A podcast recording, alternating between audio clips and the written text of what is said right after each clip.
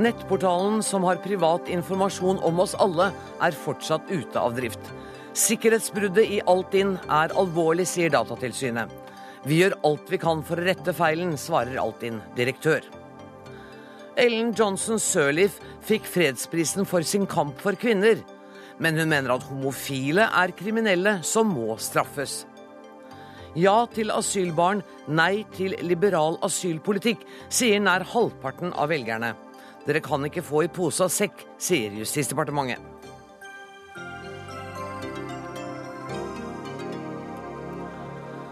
Og hvis du ikke vet hva diskré matematikk er, kan det hende du blir mer opplyst i løpet av denne sendinga, for vi skal snakke om vinneren av Abel-prisen. Men først. Folk som skulle sjekke selvangivelsen på nett i går kveld, ble logget inn som en 36 år gammel mann bosatt i Oslo. Dette skjedde gjennom Altinn.no, et felles nettsted for Brønnøysundregistrene, Skattedirektoratet og Statistisk sentralbyrå. Det er statens store satsing på elektronisk forvaltning.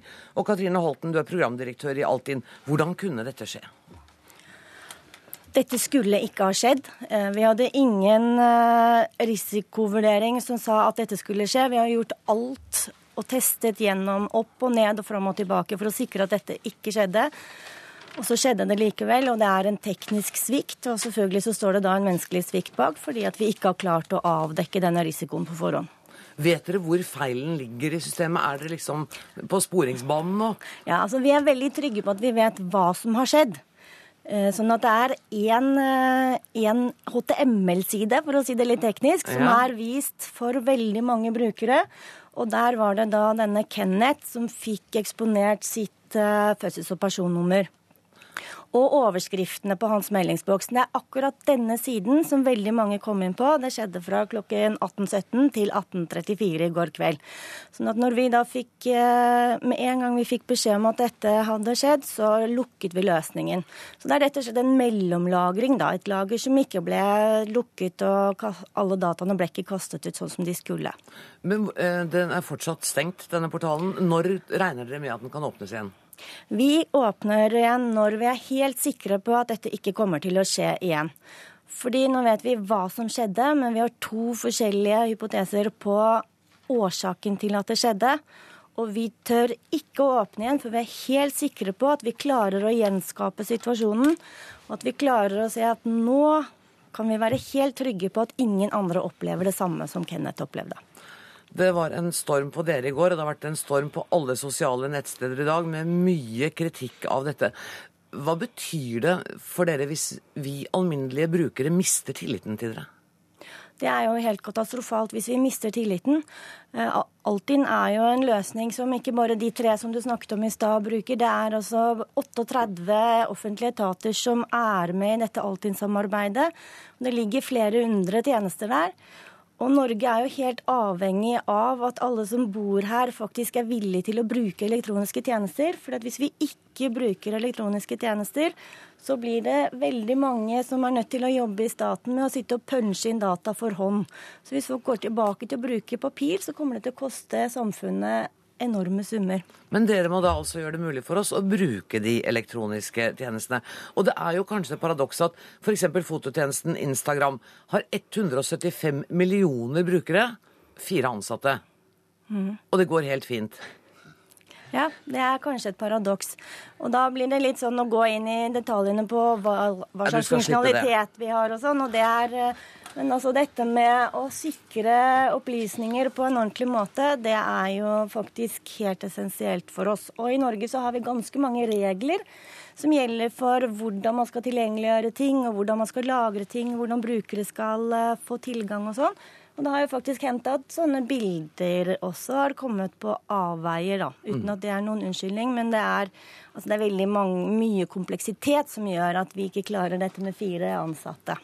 Nå, nå, er det jo for mange av oss som bare er inne der for å se på selvangivelsen, så er ikke dette dramatisk. Nei. Men du store min, for næringslivet og, ja. så betyr dette mye. Kan de rett og slett risikere å tape penger på dette? Ja, altså det de, Vi har veldig mange regnskapsførere og revisorer. De sitter jo hver dag hele dagen og bruker Altinn. Og de rapporterer rett inn i sine lønns- og personalsystemer og sånn, og sender direkte inn uten å se portalen i for seg. Men de bruker det altså som sitt daglige verktøy. Og det er altså Så viktig har Altinn faktisk blitt på disse åtte årene at det er store deler av næringslivet som er avhengig av å kunne bruke Altinn hver dag for å få gjort jobben sin. Eh, det er klart at Hvis de da taper arbeids... Eh, det vil jo være tapt arbeidsinntekt ved at de sitter og venter, f.eks. Eller at de må oversitte frister. Så dette er jo alvorlig. Kan du si noe om når i morgen dere regner med å ha ting på plass igjen? Nei, jeg vil ikke si noen ting om når vi åpner, for vi må være helt sikre på at vi vet hvorfor det som skjedde, skjedde, før vi kan åpne igjen. Men du, Det Norske Veritas leverte i sist sommer en rapport til Nærings- og handelsdepartementet som påpekte faktisk en rekke feil og mangler. Hva har dere gjort for å utbedre de feilene og manglene før i går? Ja, Vi har gjort ganske mye. for Vi har en hel eh, rekke, vi har sikkert 40 tiltak som er en oppfølging av denne Veritas-rapporten. Og De går både på kort sikt og på lang sikt. Og en del av det vi har gjort, er jo oppskalering av løsning. F.eks. hadde vi faktisk gjort noe i går for at løsningen ikke skulle gå ned, men at vi kontrollerte hvor mange brukere som var inne, og heller lot folk vente litt utenfor. Eh, men så er det klart at en del ting tar lengre tid, og det kommer til å koste oss noe å få gjort noe med det også. Per Morten Hoft, du er generalsekretær i IKT Norge. Etter sikkerhetsbruddet ble kjent, så stengte altså Altinn sidene. Eh, kan du si noe mer om konsekvensene for næringslivet? Jeg skjønner at revisorer sitter og bruker dette hele dagen. Det mest alvorlige, sånn under forutsetning av at Altinn kommer seg opp igjen innen rimelig tid, så er jo dette tillitsbruddet. Eh, at man egentlig da blir eh, mer engstelig for digital forvaltning, altså for elektroniske tjenester. Og Det er som eh, Altinn sier, dette betyr jo ekstremt mye for å effektivisere eh, og modernisere offentlig sektor. Det er det vi ser på som, som mest alvorlig. Men det er noen paradokser også i, i dette her. Nå er det tredje året på rad at det krasjer når veldig mange vil inn. Eh, det aller mest alvorlige er jo at man viser personaldata, selv om det nå man greide å, å heldigvis raskt å begrense det. Men det er jo sånn at her er jo myndighetene som bestemmer når man skal rapportere ting inn. Det er myndighetene som bestemmer når man skal offentliggjøre ligningen, som alle er nysgjerrig på. Eh, og det er også myndighetene som eh, bestemmer hvor mye penger som skal investeres. Allikevel så greier man altså å legge dette sånn at det krasjer år etter år etter år. Eh, og Da føler vi at det er noe som er alvorlig galt, og det peker jo også rapporten fra Norske Veritas på at det må gjøres noen grep organisatorisk. Vi føler vel det her at man har bygd et litt for stort bygg oppe på en litt for svak grunnmur. Eh, og så får man eh, problemer. Vi vet at det er stor vilje. og Altinn har jo også fått altså, stor internasjonal oppmerksomhet. Det er masse som er veldig veldig bra. Positiv oppmerksomhet, faktisk. Positiv oppmerksomhet. Mm. Men det er kanskje litt i forhold til arkitektur, i forhold til liksom grunnmuren, for å bruke et folkelig språk, som kanskje ikke er, eh, har vært godt nok. Og det offentlige er jo liksom også tøffe i forhandlinger. Man er tøffe på pris. Kanskje har man valgt å velger mer på pris enn på kvalitet. Og Spørsmålet her er jo skalerbarhet. Eh, hva er det man bestiller? Bestiller man et enstjerners hotell i, i, London, så får man et, da kan man ikke klage på kvaliteten. Det var en hel haug med poenger her, men jeg, jeg festa meg der med kanskje at de har valgt pris istedenfor kvalitet. Men totalt er det investert en milliard kroner i dette her, så helt uh, søppel kan det jo ikke være. Nei, vi håper jo inderlig ikke det. Litt av problemet er jo at man egentlig bygger på etasje for etasje. Eh, og det er dyrt, fremfor kanskje å tenke helhetlig arkitektur. Og Altinn har nok blitt mye større allerede enn det man noen gang hadde forutsatt den gang man begynte å se på eh, hva dette skulle bli. Bjørn Erik Thon, du er direktør i Datatilsynet. Hvordan vurderer du alvorligheten i dette? Ja, Dette er en alvorlig sak, eh, det er det ingen tvil om. Og Grunnen til det er jo først og fremst, som vi har hørt her, at Altinn er en tjeneste som eh, næringslivet, som nesten alle borgere har et forhold til. Eh, og det er et tvunget forhold. Eh, det er ikke noe valgfrihet i dette. Altså man må levere inn, eller Hvis man vil levere selvangivelsen sin elektronisk, så må man inn via Altinn-systemet. Og sånn er det på en rekke områder. Og det må stilles ekstra store krav til systemer som vi er tvunget til å bruke. Andre systemer som er store, som genererer mye data, er det ikke noe tvang om å bruke, men her er vi faktisk i en situasjon hvor vi må bruke det. Og det stiller ekstra store krav til sikkerhet. Og jeg deler jo veldig mye av den bekymringen som vi har hørt fra de to andre her, som går på eh, tilliten mm. til systemet. For vi er nødt til å ha tillit. Og informasjonssikkerhet, eh, som dette jo dreier seg om, altså at man skal sikre opplysninger Og papirvesenet er vi ferdig med. Vi kan ikke gå tilbake. Nei, og så sammenligne med at liksom det er også problemer med å sende ting i post, det syns jeg egentlig blir en helt tullete sammenligning, for det er vi ferdig med for lenge siden. Altså Skal vi ha en digital forvaltning, så må vi ha en trygg og sikker digital forvaltning, og den må testes ut fra den sikkerheten som er der. Eh, og informasjonssikkerhet det er under press. Vi ser det stadig utføres eh, hackerangrep. Det er folk som prøver med fiendtlige angrep. Dette er ikke noe fiendtlig angrep, dette er en menneskelig svikt. Mm. Men det er egentlig en del av den samme sfæren, og det sier at vi må ha stor fokus på sikkerhet for at man skal ha tillit til offentlige tjenester. Og det er det som er det alvorlige med dette. Men, men eh, den mannen som fikk lagt ut sine opplysninger, altså hvor, hvor mye kan man misbruke de opplysningene som ute? Det var vel et personnummer, så vidt jeg vet. Hvor, hvor, farlig er det hvis noen får personnummeret mitt? Det, det kan ha en betydning, men jeg syns vi skal uh, jeg tror ikke denne Kenneth, uh, som nå har fått navnet Altinn-Kenneth, så jeg, uh, trenger å sove dårlig om natta. Uh, for at et fødselsnummer kan ses av noen mennesker, det skal veldig mye til for at det skal kunne misbrukes til ID-tyveri eller andre ting. De har andre måter å gjøre det på. Og vi må huske på det at frem til desember i fjor så kunne man få utlevert eh, lønnsslipper med fødselsnummer, fordi Justisdepartementet sa at det var OK. Mm. Eh, det samme har man hatt med klasselister på skoler. Kommuner legger ut Så vi, så vi må liksom ikke Den lille biten kan vi sånn. avdramatisere. Så, så det er spørsmål at, om eh, tilliten til Altinn. Ja, Kenneth kan ta det helt med ro, og, og han er ikke eksponert for noe større risiko enn veldig, veldig mange andre. Tusen takk for at dere kom til Dagsnytt 18. Bjørn Erik Thon, Per Morten Hoff fra IKT Norge, Katrine Holten fra Altinn. Nærings- og handelsdepartementet har altså siden oktober vært klar over store svakheter i sikkerhetssystemet til Altinn. Det viser da den rapporten som jeg refererte til i stad, som er gjort av det norske Veritas. Fire måneder etter at departementet fikk rapporten, ble den, ble den journalført. Og først for tre timer siden ble den offentliggjort. Espen Sakariassen, du er journalist i Teknisk Ukeblad. Hva er essensen i denne rapporten? I utgangspunktet så forteller den at det aller meste er levert som bestilt. Men så er det noen punkter i mindretall som ikke svarer til forventningene, og det er ganske kritiske. Det handler om at uh, den er ikke solid nok. Den er ikke sikker nok, og den er ikke konstruert for å uh, bygges ut til å ta unna den uh, trafikken som den i utgangspunktet var planlagt for i årene fremover. Altså ganske kraftig trafikkøkning, mange nye tjenester. Og da bruker DNV så folkelig uttrykk som at her blir det en flaskehals, en brems. Så de burde egentlig kunnet forutse at det var stor fare for at en teknisk feil ville oppstå? Slik jeg har fått beskrevet Altinn 2-prosjektet, så skulle det bli en plattform som skal ta unna masse tjenester. En hel digitalisering av offentlig sektor, bort med papirmølla. Veldig mye, eller alt, skal over på nettet. Mm. Uh, og da snakker vi flere hundre nye tjenester og veldig mye mer trafikk. Så egentlig ja. Næringsministeren har jo sagt at han fikk denne rapporten for en tid tilbake. Hva har skjedd siden da? Um, de er jo ivrige på å understreke at de har gjort mye. Uh, Giske holdt en uh, pressekonferanse i, i, ettermiddag. Og um, Der virker det som om han blander korta litt, hvis jeg skal ha på kommentatorhatten, uh, hva som ble gjort etter at de begynte å rette feil da selvangivelsen, leveringen, stoppet opp for ett år siden. Eh, som førte til at eh, Næringsdepartementet ville ha en skal vi kalle det granskning, rapporten fra eh, Norske Veritas. Og hva ble gjort etter at den ble lagt fram i, den var klar i oktober. Og, og, og da har de jo gjort en del ting uansett. da, De har retta mye feil. De har uh, fått inn folk med mer og rett kompetanse. De har ansatt en egen sjef for Altinn. Mm. Uh, og De snakker også om å skille ut Altinn som en egen uh, organisasjon, og ikke et underbruk av Brønnøysundregistrene. Er det fornuftig, tror du? Jeg tror det kan få mer oppmerksomhet da. Litt, stå litt mer på egne ben, kanskje føle seg litt mer voksen som det fortjener. Jeg må bare fortelle at Trond Giske har blitt invitert til å komme hit, men hadde ikke anledning til å være med i debatten. Men eh, vi kan høre hva han sa. Vi har et lite klipp fra noe han sa på pressekonferansen tidligere i dag.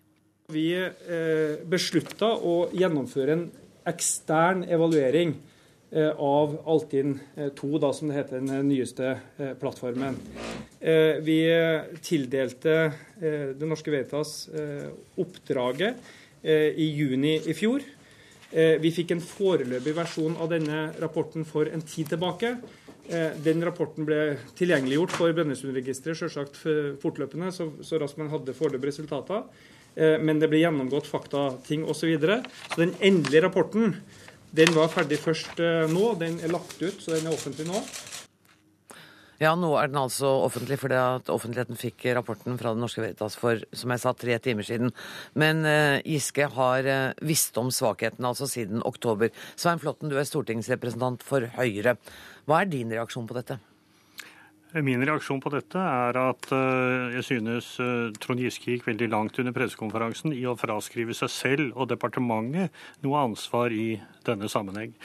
Det er de som har bestilt rapporten. De fikk de første delrapportene allerede i fjor høst. Satte sikkert i gang en del arbeid. Det er litt mer uklart fra pressekonferansen hvor mye de har gjort, og hva de ikke har gjort. Men det er jo som statsråden selv sier, det var en skandale i fjor, og det er en skandale i år. Og da blir jo spørsmålet hva har departementet gjort i mellomtiden med dette? Hva kunne de gjort f.eks. bedre? Og hvis de har vært usikre på dette, så syns jeg det er rart at de slapp det så langt i går at dette krasjet. Det var lignende på en kalkulert risiko, nærmest en gambling, på om personopplysninger ville komme ut galt. Men mener du at departementet med den rapporten i ryggen burde ha sendt noen advarsler til Altinn og sagt kanskje det ikke skal gå ut nå? Jeg mener at de hadde et klart oppfølgingsansvar, og at de hadde et kvalitetssikringsansvar for å skaffe seg visshet for at nå blir det i hvert fall gjort på den rette måten.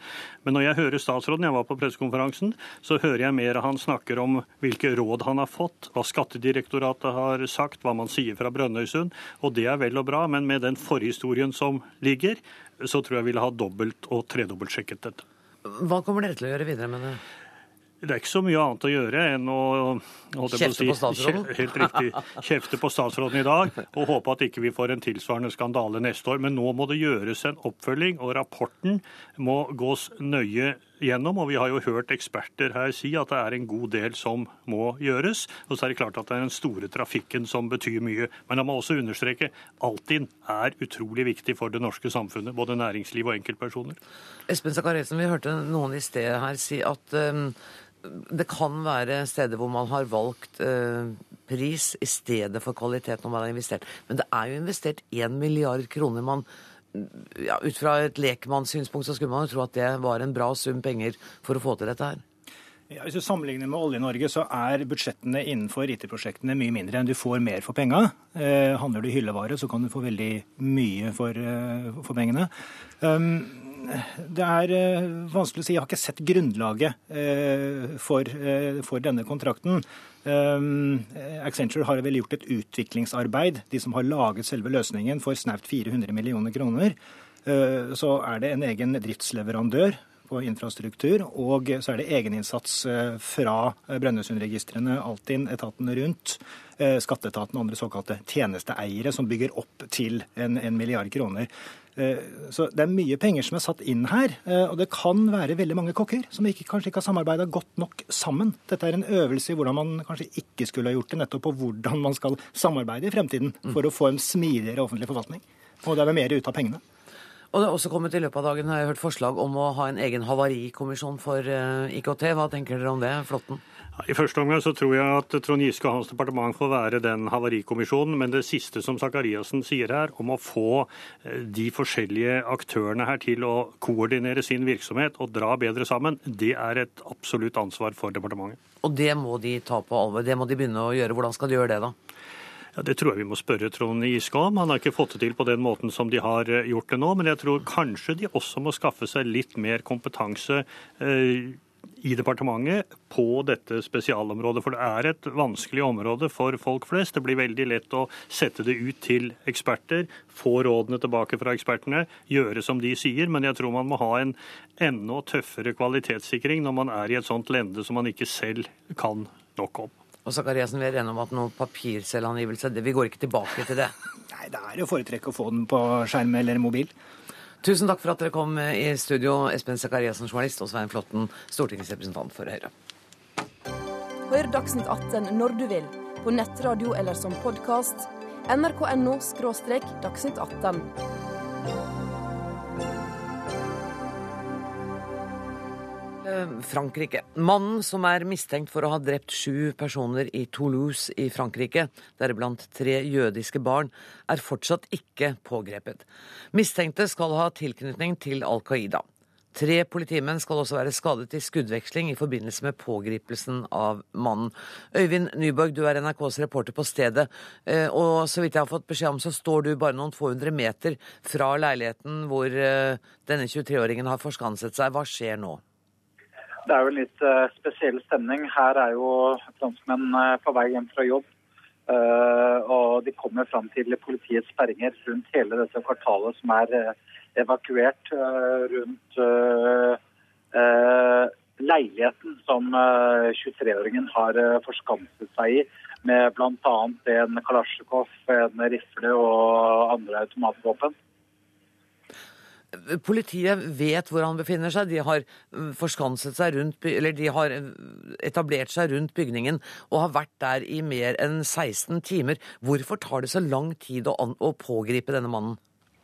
Ja, Det er jo en slags eh, en liten gåte, akkurat det. Men de har jo hele tiden sagt at eh, de gjerne vil ta denne mannen uh, levende, slik at de får en uh, eh, mulighet til å avhøre om og, og, finne ut av om det han for det første er rette mann, og for det andre er eh, hva han har å si til eh, sitt eh, forsvar. Men det er jo selvfølgelig mye som peker i retning av at det er han som står bak eh, flere av drapene i Toulouse eh, de siste to ukene. President Nicolas Sarkozy har sagt at mannen hadde planlagt et nytt angrep i dag. Har du også hørt noe om det? Ja, eh, det har nå nylig statsadvokaten også vært ute og bekreftet eh, på en pressekonferanse som var eh, her i Frankrike. Han sier at han hadde til hensikt å drepe en annen person med afrikansk bakgrunn i morges. De hadde avtalt et møte. I tillegg så er det jo også funnet eksplosiver, eller det som trolig er dynamitt, i brorens eh, bil. Eh, broren som også da, i hvert fall eh, for det meste, pleide å, å holde til sammen med 23-åringen i den samme leiligheten, som bare er noen få meter fra der jeg står nå. Du sa at det er en litt spesiell stemning, og det er jo ikke vanskelig å forstå. Men hvordan påvirkes lokalsamfunnet av dette? Nei, altså Folk kommer jo hit. og så øh, øh, Det er jo både naboer, evakuerte, og også folk som kommer fra litt eh, lenger unna, bare for å se. De rister på hodet og de spør seg hvordan i alle dager kunne dette her skje. Først det tragiske ved skolen, selvfølgelig. Men uh, hvordan også uh, kan det ha seg at vi har uh, en, en, person som sies å være såpass ekstrem i sitt nabolag, nabolaget som da virker helt stille og rolig det er et eh, fint nabolag med en blanding av eneboliger og blokker.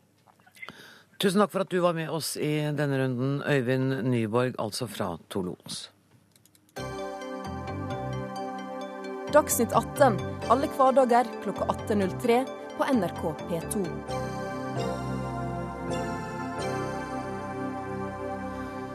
Hun fikk fredsprisen for kampen for kvinners rettigheter. Når det gjelder de homofile, er hun ikke like interessert.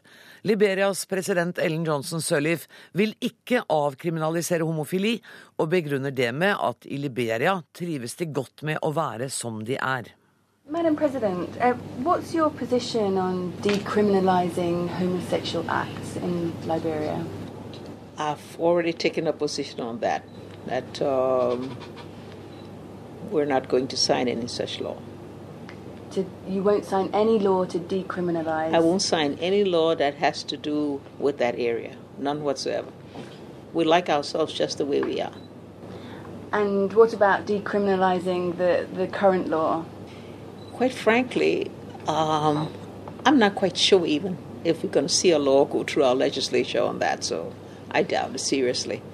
We've got certain traditional values in our society that we'd like to preserve. Vi vil gjerne ivareta våre tradisjonelle verdier, sier president Ellen Johnson Sirleaf. Tom Christiansen, utenriksmedarbeider og tidligere Afrikakorrespondent. Det har vakt med rette oppsikt at nobelprisvinneren mener at homofili bør straffes. Ble du overrasket over uttalelsen? Overhodet ikke. Nei. Det er 38 eh, land i Afrika av 54 som eh, har forbud mot homofili, for homofili er en kriminell handling. Det er den vanlige å betrakte det slik. Det er en del eh, afrikanske ledere med, som har vært mye rundt omkring i verden, som tenker annerledes. Men det som er forbausende, er at det var nettopp henne som skulle gjøre det. For hun har jo bodd lenge i Vesten og har vært kjent med en annen måte å tenke på. Nå henviser hun til tradisjonelle verdier. Og det er tradisjonelle verdier. Og så er det også at eh, kirkene og, og, muslimske ledere som på en måte har understreket at homofili er unaturlig og mot eh, Guds og Allahs vilje. Men, men gjør hun det liksom rett og slett av indremedisinsk politiske årsaker at hun ville fått stor motstand fra de tradisjonelle gruppene som heksedoktorer og, og alle de gruppene i Liberia? Det er en rekke av de gruppene hun er avhengig av å holde seg inne med. Mm. Derfor er dette lett for henne. Om hun skulle mene i sitt hjerte noe annet, så ville det være en for stor belastning for å, å løfte fram en helt ny tanke om dette. Men det er jo også en stor belastning å være mottaker av Nobels fredspris, og så fronte et syn som eh, ja, mildt sagt er i strid med eh, kulturnasjoners eh, holdninger. Ja, men Hun tenker som så, hun har fått den fredsprisen fordi at det ikke er blitt krig i Liberia. Og så er det en serie av menneskerettigheter som for oss er veldig viktige, og hvor eh, homofili, retten til seksuell legning, er en av dem. I Afrika er lista over menneskerettigheter veldig annerledes.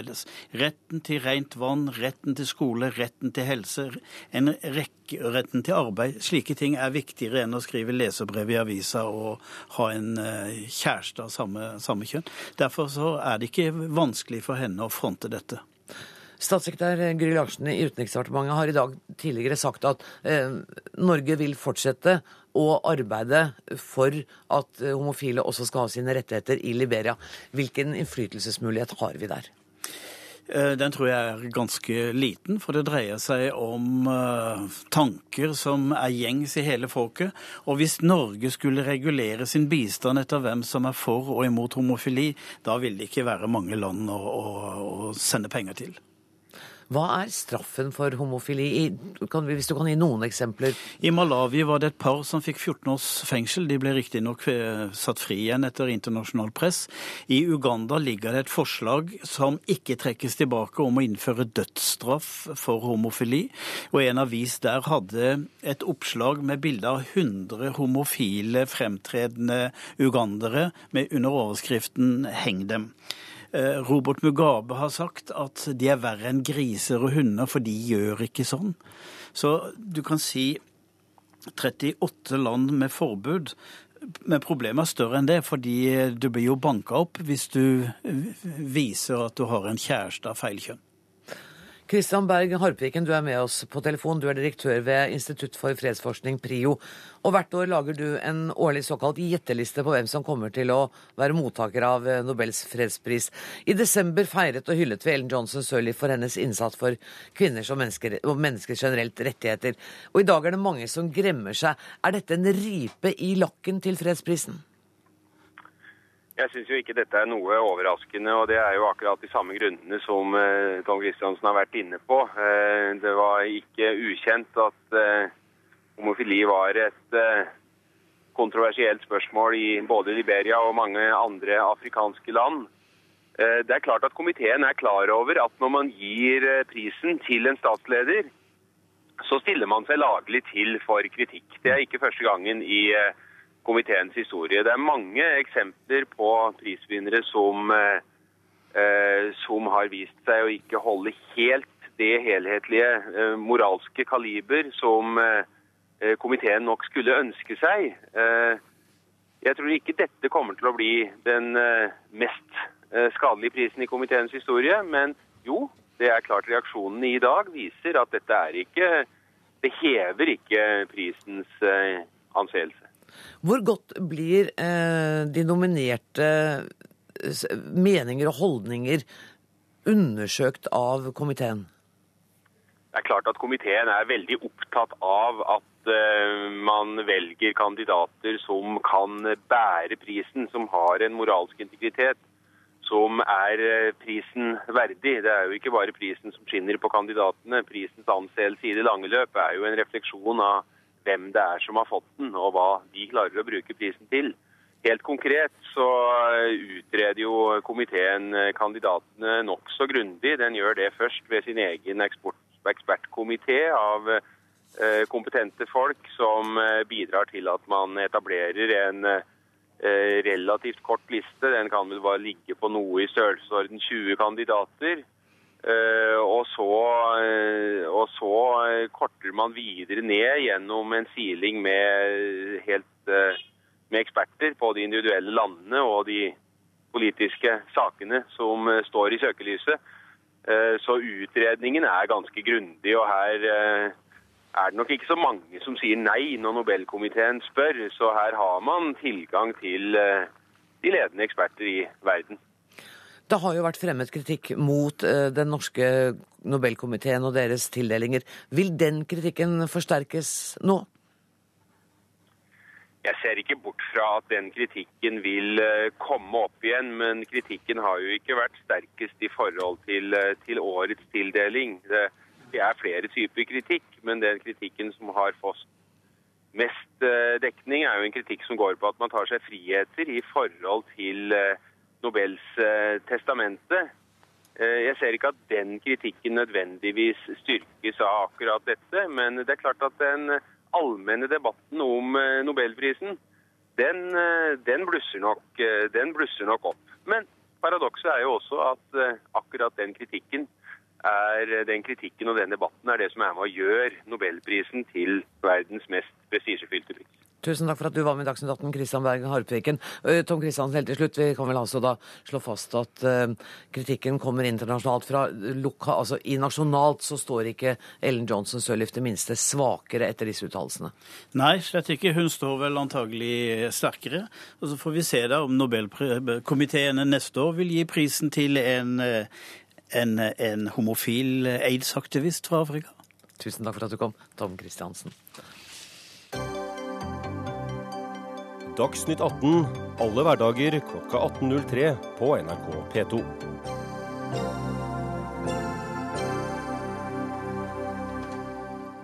Halvparten av velgerne vil at asylbarn som har bodd lenge i Norge, bør få bli. Samtidig ønsker de færreste av oss en liberal asylpolitikk. Det viser i hvert fall en oversikt som Aftenposten presenterte i dag. Og statssekretær i Justisdepartementet Pål Lønseth, hvordan vurderer du den oversikten i Aftenposten? Nei, det er jo eh, Det illustrerer jo veldig godt sakens eh, dilemma. Fordi det er mange, selvfølgelig helt naturlig nok, eh, som er også naturlig nok, får sympati for barna som er her lenge og snakker norsk og godt integrert. og det er veldig lett å få sympati med de barna. Men du skjermer deg mot den sympatien? Ja, heldigvis får man sympati med de barna. Men så er det sånn at de er altså barn av eh, foreldre som har fått avslag på sin asylsøknad. De har ikke beskyttelsesbehov. og Vi er jo en bred enighet om at vi må ha grensestolper i landet for hvem som skal få lov å være her, og hvem som skal ikke få lov å være her. og Da er det noen som må ut. Hvis jeg skal forenkle den, mm. uh, det oppslaget i Aftenposten, så er det liksom halvparten av, av, Norges befolkning grovt sett mener at de barna som det nå er snakk om, skal få lov å bli. Mm. Men vi vil ikke ha noen mer liberal asylpolitikk. Nei, og det illustrerer igjen også dilemmaet. fordi at uh, man ser disse barna nå, men det ville være grovt urettferdig da å ikke tenke på de barna av, eh, av, foreldre som har tatt valget om å reise, har forholdt seg til en returplikt som alle med avslag har. Eh, hva med de? Skal, skal man nå isteden belønne da, eh, de, de, foreldrene som ikke har forholdt seg til norsk lov? Det ville være ganske oppsiktsvekkende, og i så fall det eneste samfunnsområdet vi driver og, og, og belønner mennesker som ikke forholder seg til, til beslutninger fra, fra, myndighetene. Men det at man har tvangsutsendt noen og kanskje gjort noen feil tidligere, det berettiger vel ikke at man fortsetter det har ikke vært feil. Altså, det er, vi, vi setter grenser. Noen eh, får opphold. Mange får opphold. I dag er det omtrent halvparten. Eh, Også barnefamilier, selvfølgelig. Mange eh, barnefamilier får også opphold av hensyn til barna fordi de har vært der lenge. Altså, det er ikke sånn at all, eh, ingen får opphold. Men så er det sånn at man vurderer individuelt sak til sak. Og da er det sånn at det er noen som ikke oppfyller de kravene, ikke er sterke nok hensyn nok. Og, og man må også tenke på hvilke konsekvenser det får hvis man da skal gi alle disse opphold. Og det er, det er noe som vi er nødt til å tenke på i en helhetlig politikk. Eh, Jeg har sett, eh, dette er jo også På de sosiale medier, så er jo dette det store diskusjonstemaet. Jeg så en dag som skrev at det er lett å vise til regler eh, for begrunnelse for at de må ut. Men hvor er den moralske begrunnelsen? Ja, Den moralske begrunnelsen er jo at eh, for det første, som jeg nevnte innledningsvis, det er rettferdighet som må være en ledesnor. Skal vi belønne de som ikke forholder seg til en returplikt? Eh, Så er det sånn at eh, Hvis vi nå skal begynne å gi opphold til mange mennesker som ikke har beskyttelsesbehov, så går det til fortrengsel for, for de ressurser vi skal bruke på de som skal være her, de som skal integreres. Vi har en stor bosettingsutfordring i dag. Mange kommuner vil ikke ta imot eh, flyktninger. Mange, vi har, vi har 2500 eller der omkring som sitter på mottakene som har lovlig opphold, men som ikke vil få bosatt. Eh, vi kommer, ikke, vi, vi kommer ikke i gang med integreringen av de personer som har beskyttelsesbehov.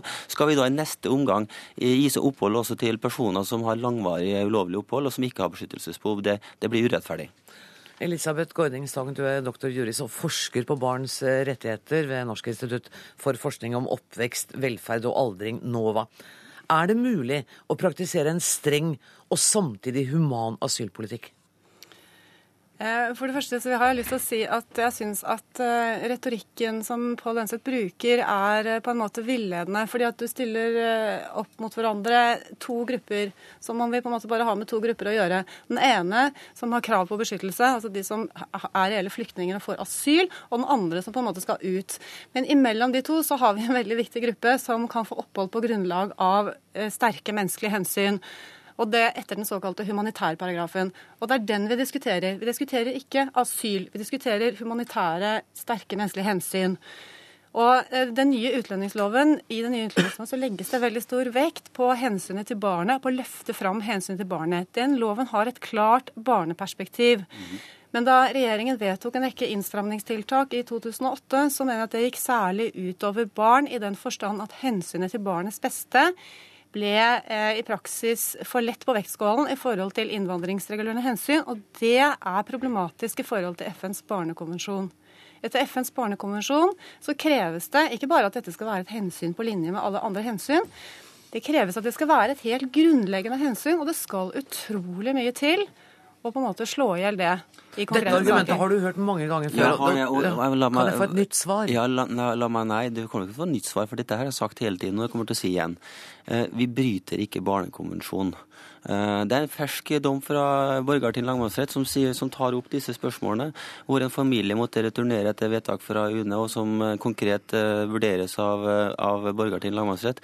Det er, det er ikke brudd på barnekonvensjonen at, at barns beste ikke alltid trumf, trumfer. No, Tar du feil da, du, noen, doktor I noen saker så, så er det sånn at uh, innvandringsregulerende hensyn dessverre for de barna som det gjelder da, uh, går foran. Men uh, sånn har det vært under alle regjeringer. Det er ingen regjeringer tidligere, tidligere og heller ikke denne naturligvis, som alltid lar eh, barns beste trumfe alle andre hensyn. Det er ikke spørsmål om aldri eller alltid. Det som det er spørsmål om, det som er poenget, er at hensynet til barnets beste ikke bare er et hensyn. Det er et overordnet rettsprinsipp. Det er eh, også nå, kan man si, eh, internasjonal, eh, et internasjonalt bindende rettsprinsipp. Og det er ikke mer enn et år siden vi fikk en dom mot oss i Den europeiske menneskerettsdomstol i Strasbourg. Det gjaldt riktignok en utvisningssak og ikke lengeværende barn. Men vi fikk den dommen mot oss bl.a. fordi at norske myndigheter ble av Strasbourg ansett å ha lagt for stor vekt på innvandringshensyn og for liten vekt på hensynet til barnets beste. Det er bare et eksempel, men jeg syns at vi må på en måte ta konsekvensen av den dommen, og ikke på en måte tolke den så snevert at vi ikke syns at vi kan trekke noen konsekvenser av det. Og det andre jeg vil si, er at jeg er helt enig i at Barnekonvensjonen sier ikke at barnets beste alltid, i alle saker, skal gå foran. Når vi har å gjøre med barn som har sin fulle og hele tilknytning til Norge, og ingen tilknytning til hjemlandet, som har bodd her i mange, mange, mange år, så kan jeg ikke se at et innvandringsregulerende hensyn som kan være så sterkt at det på en måte kan slå ut eh, barnets beste i den type situasjon. Men du vet, altså, Det er kommet forslag om treårsregel, f.eks. Mm. Altså, I dag det er også en utbredt oppfatning at det er så veldig lang saksbehandlingstid. Det er det ikke. Man skal jobbe for å få den ned. Men saksbehandlingstiden i dag er ett og et halvt til to år etter, til endelig, fra søknad til endelig avslag. Og Hvis du da skal lage en regel om at du bare kan holde fast i ett år til, etter det flagget, så har det store innvandringsregulerende konsekvenser. Da har vi flyttet i denne gjerdestolpen eh, langt i den forstand at mange flere vil fotball. Mange flere vil komme hit som ikke har behov for beskyttelse. Og da havner vi ut i en situasjon hvor vi kommer til å returnere enda flere barn. Og det er ikke humant, det er ikke rettferdig, og det må regjeringen tenke på i å ha en helhetlig politikk. Ja, jeg lurer på Hvilken dokumentasjon du viser til da. Hvordan kan du vite så sikkert at dette vil medføre en eh, strøm av nye barnefamilier til Norge, hvis man skulle vedta en sånn type ordning? Det er ett alternativ, det er ikke det eneste alternativet. da. Det finnes andre alternativer òg. Men sett at man gjorde det, at den eh, stortingsmeldingen Barn på flukt kommer ut med sånn type forslag, tre år, fire år, et eller annet sånt nå, da skal de få opphold. Eh, andre land har jo innført en, lignende ordninger. Hva er erfaringene fra andre land? Hvordan kan du vite med sikkerhet at dette vil skje? Det er også en utbredt oppfatning. Det, er, det, er, ikke slik at alle andre land har så mye mildere politikk enn Norge. Eh, sånn er det ikke. Men vet du hva, Vi må sette strek denne gangen, og så kommer vi til å snakke om dette igjen når denne meldingen om barn på flukt kommer, som den er lovet før sommeren. Tusen takk for at dere kom i studio. Pål Lønseth, statssekretær, Elisabeth Gording, forsker. Hør Dagsnytt 18 når du vil, på nettradio eller som podkast. nrk.no – dagsnytt 18.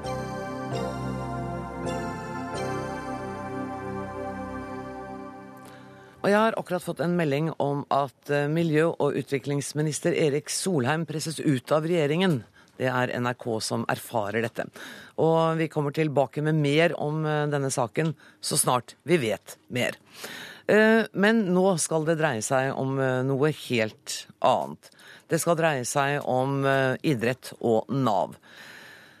Koblingen mellom kjelkehockey-VM for funksjonshemmede og Nav den er ikke helt opplagt for mange av oss. Men i dagens VG kan vi lese at Nav nå må ta lærdom av toppidretten.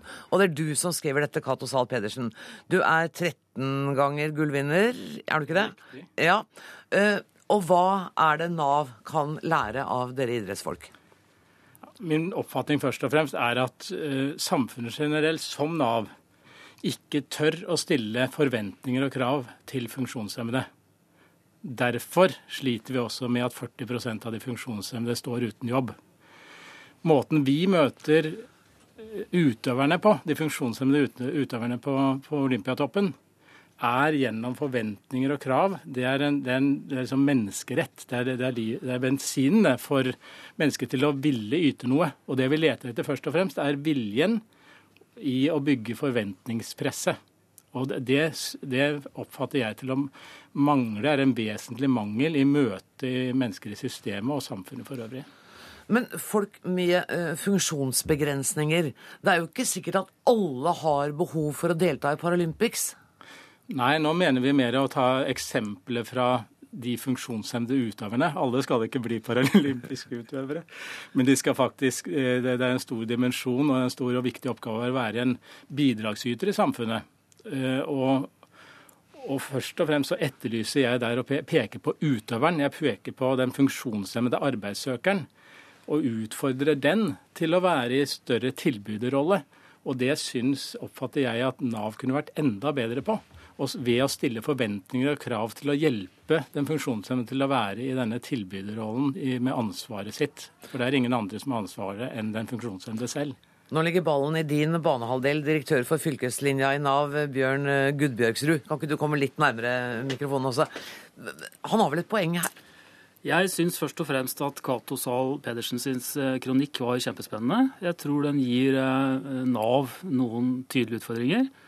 Eh, jeg tror han har rett i at måten vi møter brukerne på, ikke alltid er til brukerens beste. Og sånn som jeg oppfatter Zahl Pedersen, så, sier jo han at i en del tilfeller så må vi kanskje stille enda større krav til brukerne. Og Navs hovedanliggende er jo først og fremst å bidra til at mennesker kommer i arbeid. I noen grad så har vi kanskje eh, bidratt til å fokusere litt for mye på såkalte helseytelser. Eh, og jeg tror at i noen tilfeller så kan vi bli litt tøffere. Eh, både med oss selv eh, og, med den enkelte brukeren. Men så er det jo en tredjepart her, og det er jo arbeidsgiverne. Mm. Også der så tror jeg vi har noen utfordringer. i forhold til å- butter litt der òg? Ja, altså Vi får ikke helt til det inkluderende arbeidslivet som vi ønsker oss i Norge. Vi har en høy sysselsettingsgrad, men vi har også 600 000 årsverk som vi, og litt mer enn det, som vi taper årlig fordi folk står utenfor det ordinære arbeidslivet. Og Da tenker jeg nesten at vi trenger en liten sånn nasjonal dugnad på området, hvor eh, Nav kanskje skal gå litt inn i seg selv og se på måten vi jobber på. Forsøke å bli enda bedre i forhold til å stimulere til arbeid. Kanskje den enkelte brukeren også eh, bør lete litt mer i seg selv etter hvilke muligheter har jeg i forhold til å bidra i arbeidslivet. Eh, Og hvilke muligheter har den enkelte arbeidsgiver i forhold til å rekruttere flere som ikke kanskje har 100% arbeidsevne, men 50 eller 60 eller 70% Men det, nå syns jeg dette begynner å bli ganske konstruktivt. Syns du ikke det, Salpersen? Jo, jeg syns vi begynte allerede på bakrommet å være konstruktive. Ja, det hørte ikke jeg, skjønner du. Nei, Nei. Men, men for egentlig så Jeg, jeg slakter jo ikke Nav. Nettopp. Eh, Jeg slakter ikke brukerne, jeg slakter ikke arbeidsgiveren. Vi har et fantastisk system. Vi har, vi har arbeidsgiver, vi har arbeidstaker, og vi har Nav med, med velferdsgodene. Men som eh, Bjørn kaller jeg deg, litt vanskelig etternavn, eh, som Bjørn påpekte, så kanskje har vi en utfordring på hvordan møter vi utfordringen. Og det er det mitt anliggende er at vi møter Skal vi med respekten for å bry seg om prestasjoner. For vi mennesker skal jo prestere. Om vi er funksjonshemmet, hvilke evner er det vi har, hvem leter etter det? For å være attraktive og bygge opp det mellom bruker og Nav, for i større grad å være sterkere overfor når vi skal møte og utfordre arbeidsgiveren. Og dere på Toppidrettssenteret har jo noen helt eh, spesiell, en helt spesiell spisskompetanse på dette. Ja, det, er det, det er det vi opplever at vi har, og måten vi gjør det på. Så, så inviterer jeg i kronikken eh, arbeidsministeren til Kjellkokke for å se nærmere på om det er noe vi kan diskutere. Så det høres ut som vi definitivt kan få til en slik plattform. Dessverre hadde hun ikke anledning til å komme i studio i dag, men altså, kan du ikke invitere Nav på Kjellkokke? Og det går da Vi skal forsøke å stille opp på Kjellkokke. Eh, bare avslutte med å si det at eh, idretten preges jo også av konkurranse og er opptatt av resultater. Og jeg tror kanskje at Nav skal bli enda mer opptatt av resultater. Og de resultatene som er viktigst for oss, er at vi faktisk får flere mennesker over i arbeid. Og det viktige er jo, er jo ikke at det heter det inkluderende arbeidsliv. Det viktige er jo at folk får brukt seg sjøl så mye som de kan i arbeidslivet. Ja, og det er helt grunnleggende i forhold til finansiering av velferdsstaten, som vi kommer til å få store utfordringer med, at vi faktisk klarer å få flere inn i arbeidslivet. Og da må vi tenke litt utradisjonelt og litt nytt. og jeg opplever at eh, Cato Zahl Pedersen tar opp veldig viktige problemstillinger som vi kanskje kan bli bedre til å følge opp på en konstruktiv måte, også i Nav. Og kanskje kan det være litt gøy å jobbe med dette her også? Det er gøy. Når er det, det, det, det er gøy når du møter med forventning og krav. Det er, da, da, da vokser man. Det er helt fra barnsben av. Hvis foreldre også stiller forventninger og krav, så blir, det, så blir du interessert i livet. Uten det så kan det bli uført. Hvor lang tid skal, det, skal vi gi dere før vi ser at det er noen resultater av det arbeidet som dere nå starter i kjelkehockey-VM, og så skal vi komme tilbake om et halvt år? Kan vi se Ja, det? vi, vi ser allerede en framgang i Nav. og Jeg er sikker på at til sommeren, sommeren så kommer vi til å se noen tydelige resultater. og Møtes vi igjen om et år, så vil jeg ikke si at alt er gull og grønne skoger, men jeg håper at vi har tatt et vesentlig skritt. Det er lenge siden jeg har invitert noen tilbake. Jeg gjør det med dere. Hjertelig velkommen tilbake, og tusen takk for at dere kom eh, i studio i dag. Cato Zahl Pedersen og Bjørn Gudbjørstud fra Nav.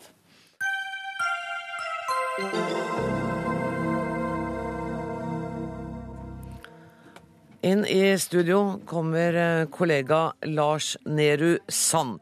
Eh, Og det skal altså dreie seg om Erik Solheim. Det er omtrent alt jeg vet. Ja, Det vi går ut med nå, er da at etter det NRK erfarer, så går både Erik Solheim og Tora Aasland av som statsråder når SV gjør kjent sine endringer i regjeringen på fredag. Hva er grunnen til dette? Ja, Det er det jo for så vidt Audun Lysbakken som eh, må svare for. Men det, dette er jo et eh, lenge varsla ledd i at SV fornyer sitt eh, lag, må vi jo tro. Lysbakken ønsker å bygge kanskje en ny generasjon rundt seg. Eh, derfor er det jo Bård Vegar Solhjell, Heikki Holmås, Inga Marte Torkelsen som hyppigst nevnes som, eh, som nye statsrådskandidater. Og man lar da to eh, for mange bærebjelker internt i SV eh, gå ut av regjeringsprosjektet. Solheim har vært SV-leder i ti år. og bærer jo med seg mye av eh, SVs historie. Det samme gjør eh, Tora Aasland tilbake fra Hanna Kvanmos tid. Så da av de eh, som har vært med lenge i det rød-grønne prosjektet, så er det da bare Kristin Halvorsen igjen fra, fra SVs lag, da. Vaktsjefen i Dagsnytt 18 har forsøkt å få fatt i Erik Solheim, men det har vi ikke lykkes med til nå. Men eh, du er jo ekspert på det politiske livet og arbeider i, i politisk redaksjon her i NRK. Eh, var det overraskende at eh, disse to nå går? Det som var overraskende, var vel at eh, Erik Solheim ikke fortsetter i regjering i det hele tatt. Han har eh, fått nærmest spesialsydd, sier i hvert fall flere, eh, denne ordningen med at han har ansvar både for utviklingspolitikk og miljøpolitikk politikk.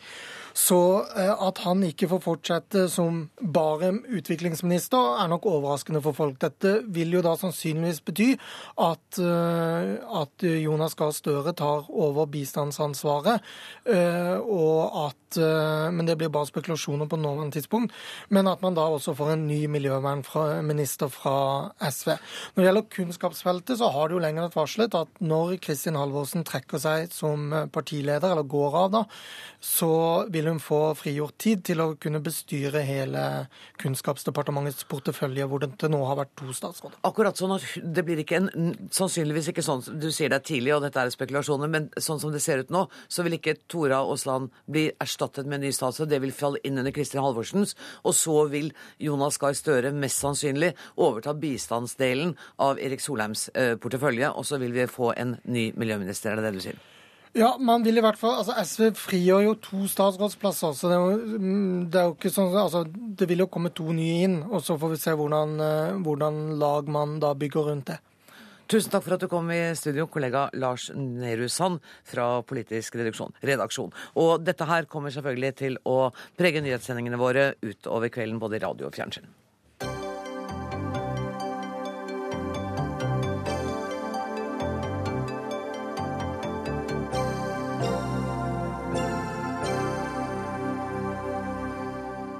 I dag har vært en spennende dag for matematikere fra hele verden.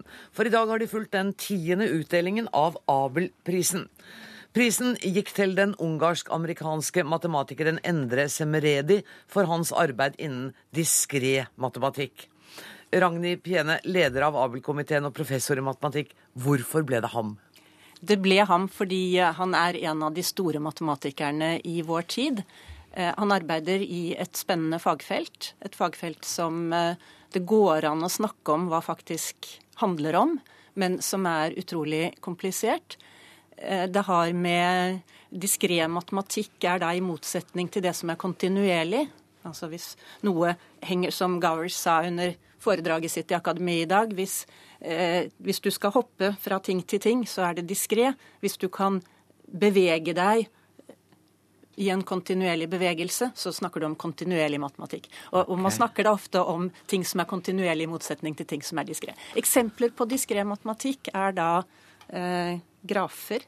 Eh, Internett, hvis man modellerer Internett med websider og ser på hvilke websider som lenker til hverandre, så får man et eh, veldig stort og komplisert bilde. Og ting som dette er det Semeredi analyserer. Jeg prøver å se ut som jeg skjønner det, selv. det? jeg ser det. um, jo Røiselien, uh, altså jeg, jeg, virkelig prøver å se ut som jeg skjønner det. Uh, jeg holdt på å stryke matte. Um, gå litt videre på dette. Hvis man hopper, så er det diskré. Og hvis man beveger seg en lang linje, så er det ikke så diskré. Jeg elsker ordet diskré matematikk, for det høres litt sånn hemmelig ut. Det noe som man gjør litt sånn skjult. Og med svak stemme. Ja, ja, ja, innenfor en lukket dør, for du må være litt forsiktig. Men det handler jo ikke om det i det hele tatt. Vi lever jo i stort sett i en relativt kontinuerlig verden. Når jeg går, så er det en kontinuerlig bevegelse. Når jeg vokser, så blir jeg høyere og høyere i kontinuerlig bevegelse. Men når jeg snakker om hvor høy jeg er, så sier jeg f.eks. at jeg er 1,96.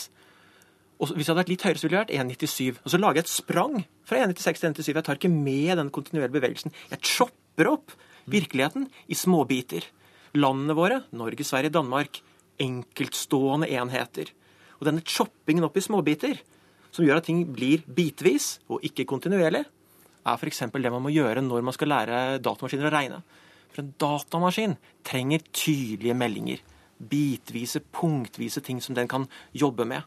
Så diskré matematikk er det vi er nødt til å ha god kontroll på om vi skal lage gode datamaskiner. Har vi alle glede av det eh, prisvinneren i dag gjør? Er, Eh, Vi kan kanskje si at vi på sikt vil ha glede av det, men det er ikke alle hans resultater som er eh, det man ville kalle direkte anvendbare. Okay. Men de har hatt en enorm betydning og innflytelse bl.a. i informatikk, sånn som Jo sier. hva slags mann er dette? Eh, Han er 71 år. Eh, Han skal være Jeg kjenner ham ikke personlig. Han skal være en beskjeden og humoristisk person, og alle elsker ham. Så det blir spennende å møte ham i mai.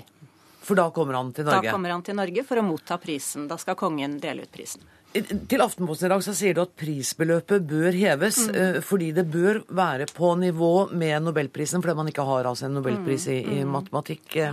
Vi hadde jo en ambisjon med at Abelprisen skulle være den tapte nobelpris, for å si det sånn. Altså at den skulle eh, få en status i verden som den viktigste matematikkprisen.